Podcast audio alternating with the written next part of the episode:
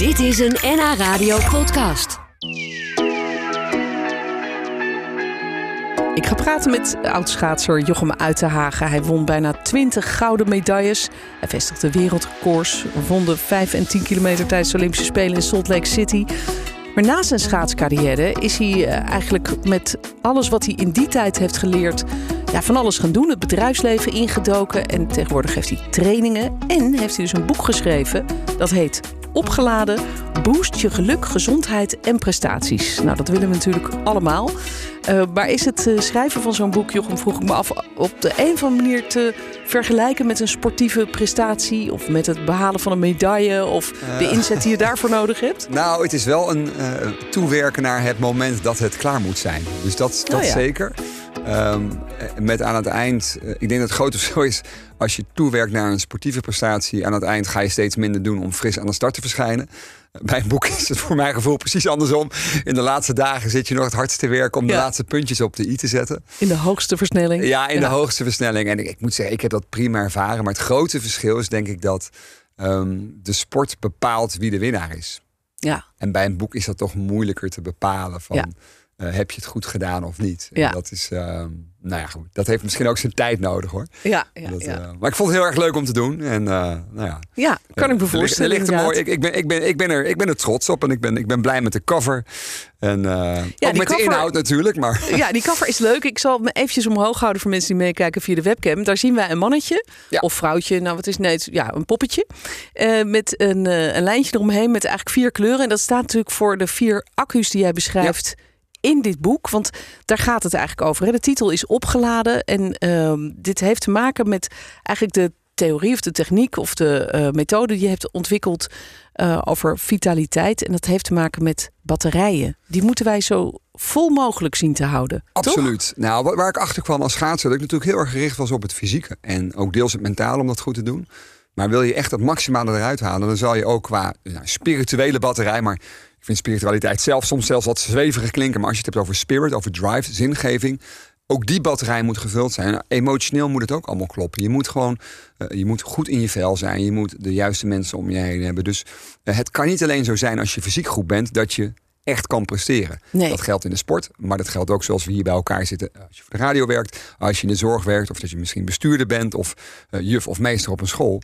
En daarom praat ik graag, graag over die vier batterijen van energie, van energie uh, spiritueel, mentaal, emotioneel en fysiek. Ja, en die, ja, die werken als communicerende vaat. En kunst is om op al die vierde vlakken zorgen dat je, je energie gewoon op peil houdt. Ja, daar geef je in dit boek heel veel praktische tips voor. Daar, daar zullen we misschien straks nog een paar van uh, kunnen bespreken. Maar zijn dit dingen die jij zelf ook eigenlijk hebt ontdekt uh, door vallen en opstaan in jouw eigen carrière? Ja, deels door dingen uh, automatisch, zeg maar onbewust goed te doen. ja. Onbewust bekwaam. Op een gegeven moment als je jong bent, dan... Uh, ja, ik was gewoon heel erg lekker bezig. Wilde graag hard, hard schaatsen. Had er ook geen moeite voor om daar dingen voor te doen en te laten. En, uh, richting... Ja, dus die drive, die zat wel goed bij die jou? Die zat absoluut goed. Ja. Maar op een gegeven moment, uh, dan heb je mooie prijzen gewonnen. Ik wilde nog steeds mooie prijzen blijven winnen. Uh, dus super gedreven, hard trainen. Maar op een gegeven moment ook dingen die ik eigenlijk stiekem wel leuk vond. Uh, maar niet doen, omdat ik dacht van ja, daar ga ik niet harder van schaatsen. Oh, zoals wat? Wat had je bijvoorbeeld uh, naast het schaatsen nou willen ja, doen? Als je soms een leuke verjaardag hebt, dan kan je denken, ja, dat wordt vanavond laat, laat ik maar niet doen, want ik moet op tijd in mijn bed liggen, want ik ga morgen weer trainen. Ja, Terwijl ja. juist toch even onder de mensen zijn en naar zo'n verjaardag gaan en daar gewoon lekker praatje maken.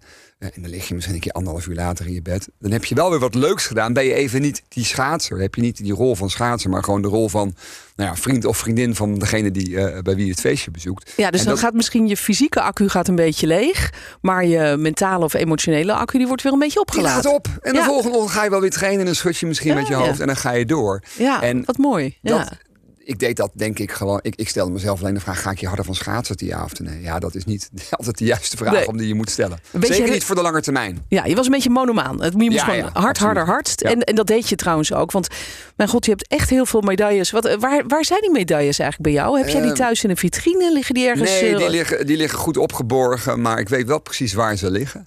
En uh, heel af en toe pak ik er eentje uit. Met name die vijf kilometer Olympisch goud. Dat vind ik toch eigenlijk wel echt de mooiste. Ja? En, Mooier dan de tien?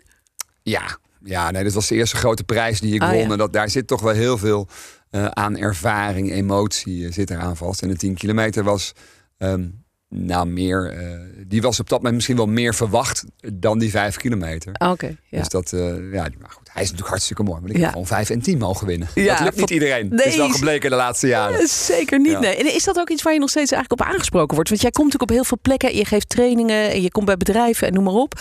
Zeggen mensen dan allemaal... Oh, daar heb je Nou, hem het met- is heel vaak eh, eh, de tweevoudige Olympisch medaillewinnaar. eh, en de eerste man onder de 13 minuten op de 10 kilometer. Oh ja, het wereldrecord het wat je toen... wereldrecord eh, wat ik het- schaatste, 12,58. Dat had ik nooit verwacht dat dat inderdaad 20 jaar na dato... ehm, zo vaak eigenlijk aan mijn naam wordt gekoppeld. Dus dat is wel leuk om te horen. Ja, dat wilde ik inderdaad ook nog eigenlijk zeggen toen je binnenkwam. Ja, nou, hier, De daar man die- dat ja, ja, ja, ja, dat. Dat, dat kleeft mooi aan jou. Dat is heel fijn natuurlijk. Hoe komt het, denk je, want je hebt hier nu een boek over geschreven... van hè, hoe, blijf je vitaal en, en eh, gezond en presteer je goed door al die dingen. Maar eh, dankzij welke eigenschappen, hoe komt het dat jou dit allemaal gelukt is? Dat jij het zo goed gedaan hebt... Terwijl je net zelf zei van ja, eigenlijk had ik ook wel wat meer aandacht mogen besteden aan gewoon dingen doen die ik leuk vond. Nou, kijk, het heeft me in, de- in het begin van mijn carrière absoluut gewoon een enorme drive, eh, een doorzettingsvermogen om dingen te gaan doen. En vooral ook heel erg sterk vasthouden aan waar ik zelf in geloofde. Eh, dat dat goed voor mezelf was. Alleen dat heb ik aan het einde denk ik dus niet goed gedaan. Door juist te denken, oh ik heb het zo gedaan richting Salt Lake, dus dat moet ik nu ook weer doen. Ja. Maar ja, de omgeving verandert en daardoor verander ik ook. En daar heb ik denk ik toen onvoldoende op, eh, op ingespeeld. En dat is wat ik eigenlijk bij heel veel eh, zaken zie. Wat ik ook eigenlijk in. Nou, ik ben in 2007 gestopt met schaatsen, dus 15 jaar geleden. Dat ik in de jaren daarna dat ik binnen het bedrijfsleven eh, heel veel trainingen en lezingen heb mogen verzorgen. Dat je eigenlijk daar soms dezelfde zaken ziet gebeuren. Ja, zoals nou, wat bijvoorbeeld? Nou, ga maar na. Ik bedoel, mensen gaan met hun, eh, met hun baan starten. eh, zijn een aantal jaar lekker bezig. Krijgen een nieuwe job. eh, krijgen een eerste, eh, nou ja, echt serieuze relatie. Gaan misschien samenwonen. Kopen huis. Komt misschien het eerste kind, het tweede kind. Dat zijn allemaal van die factoren die echt wel gaan bepalen hoe jij je leven mag gaan inrichten. Ja, En het feit dat je in één keer wellicht vader of moeder bent geworden, vraagt een andere verantwoordelijkheid, vraagt andere rollen voor jou. Ja, dat betekent dat hoe je het ook went of keert, dat eh, de rol van medewerker of ondernemer, die zal af en toe even op een lager pitje moeten zijn. Anders kan je niet een goede ouder zijn. nee. Ehm, En ook daarvoor geldt weer dat je al die accu's opgeladen moet zien te houden. Absoluut. En eh, ja, nee, exact. En wat eh, we kunnen zeggen, van, ja, om te presteren moet je in balans zijn. Maar ja, ik zeg altijd, in balans zijn is niet zo moeilijk. Maar je moet zorgen dat je in balans blijft. Ja. En om bilan- eh, in balans te blijven, zou je dus ook in beweging moeten blijven. Want het, het is continu aan het veranderen. Ja, En het is dus ook, ik zeg wel eens, dit boek, ehm, er zijn heel veel tips en tricks in. Maar het is ook geen blauwdruk van als je dit boek leest, dan weet je precies hoe je het moet doen. Nee, je krijgt handvatten voor jouzelf om aanpassingen te maken. Kleine veranderingen die mogelijk voor jou op de termijn grote eh, zaken kunnen teweeg kunnen brengen. ja, nou we gaan daar nog meer over horen zo dadelijk. Dan praten we nog even verder over het boek dat Jochem Uithagen schreef. Leuk. Opgeladen, zo heet het. Boost je geluk, gezondheid en prestaties. Na zijn schaatscarrière is hij eh, van alles gaan doen. Onder andere trainingen geven in het bedrijfsleven. Hij is zelf heel veel gaan fietsen. Fiets je nu eigenlijk net zo goed als dat je toen schaatste? Ehm, nee, dat niet. Nee. Nee, nee, dan zou ik de Tour de France nu moeten rijden. Nee. denk ik. nee dat is, maar ik, ik denk dat ik nu naar verhouding wel beter fiets dan ik toen fietste. Ja, oké. Ja, ja, goed. Dus eh, dat zit er dan toch wel in. Eh, en hij heeft een boek geschreven. Dat heet Opgeladen. En het gaat erover dat we ja, allerlei, op allerlei manieren kunnen proberen wat, wat vitaler en eh, ja, meer gebalanceerd in het leven te staan. En dat heeft te maken met accu's die je kunt opladen, batterijen. Zo noem je dat. Vier Zeker verschillende weten, ja. batterijen hebben we. En denk dus niet alleen aan je fysieke batterij, maar ook bijvoorbeeld aan je mentale en je emotionele. Ehm, en dan las ik dat je eh, in het eh, boek ergens, stond het in het boek of zag ik het in een interview, dat jij eh, vroeger wel de Zamboni werd genoemd. Ja, nee, dat Zo'n klopt. dweilwagen, toch? Wat, Ja, ja Zamboni is een dwelmachine voor het ijs. Maar ik was nog wel in staat, zeker op open banen, op buitenbanen, om eh, redelijk wat slijm te produceren. En echt zo'n, eh, nou, dat hing redelijk aan mijn kind. Dus vandaar die bijnaam. Inmiddels denk ik wel dat ik weet hoe het, eh, waar het vandaan komt. Maar het heeft gewoon puur voor een deel met controle te maken. Op het moment dat ik goed was, had ik het namelijk veel minder. En dan kon ik gewoon lekker van start gaan en lekker doorrijden. En dan kon ik mijn ademhaling eigenlijk... Je bent natuurlijk heel hard aan het ademen als je inspant. Maar wel zat er wat meer controle op. Waardoor ik ook makkelijk mijn speeksel gewoon weg kon slikken.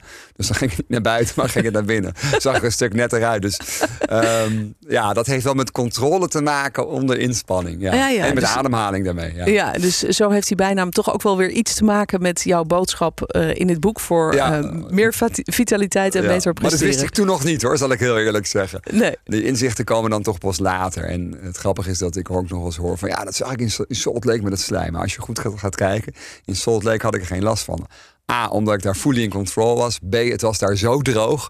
Zeg altijd, als je op de grond spuugt... dan was het verdampt voordat het de grond raakte. Dus eh, bij een hele droge omgeving zal je ook, meer- ja, produceer je ook minder speeksel. Ja. Dus, eh, ja, dus zo zit je ook niet op de fiets nu, toch? Mm, Nou, ik heb wel regelmatig een loopneus, zal ik heel eerlijk zeggen. Dat Ja, is geen corona of wat dan ook, of allergie, maar dat is gewoon... Ja. Mijn slijmfietsen eh, zijn gewoon heel gevoelig. Dat Ja. iets, iedereen heeft een zwak, een zwak ding in zijn, in zijn lichaam. Ja. Ja, zo is het ook. En ehm, je hebt nu dit boek geschreven ehm, met heel veel praktische tips. En je zei net al even, ja, voor iedereen is het natuurlijk anders. Want de Ja. een voelt zich vitaal als hij nou ja, heel veel fietst. En de ander voelt zich eh, vitaal als hij heel veel slaapt. Ehm, maar wat is nou een belangrijke tip in jouw boek waarvan je denkt, ja, dat is eigenlijk voor luisteraars die nu zitten te luisteren, die zeggen, ik wil meer geluk, gezondheid eh, en vitaliteit Nou, in mijn dat- leven. Waar begint dat? Volgens mij is de, de, de- ik heb één tip daarvoor. En ik bedoel, als je, die, als je dat beeld van die batterij, en ik hou nu zelf mijn boek ergens volgens mijn camera zitten achter. Zo als je naar maar mijn- lager. En, ja, ja, als, je, zo. als je naar mijn batterijen kijkt, zie je dat die fysieke batterij iets breder is. Dus die heeft een hele belangrijke, heeft een belangrijke impact op die andere batterijen. Eh, voor het feit dat ze als communicerende vaten werken.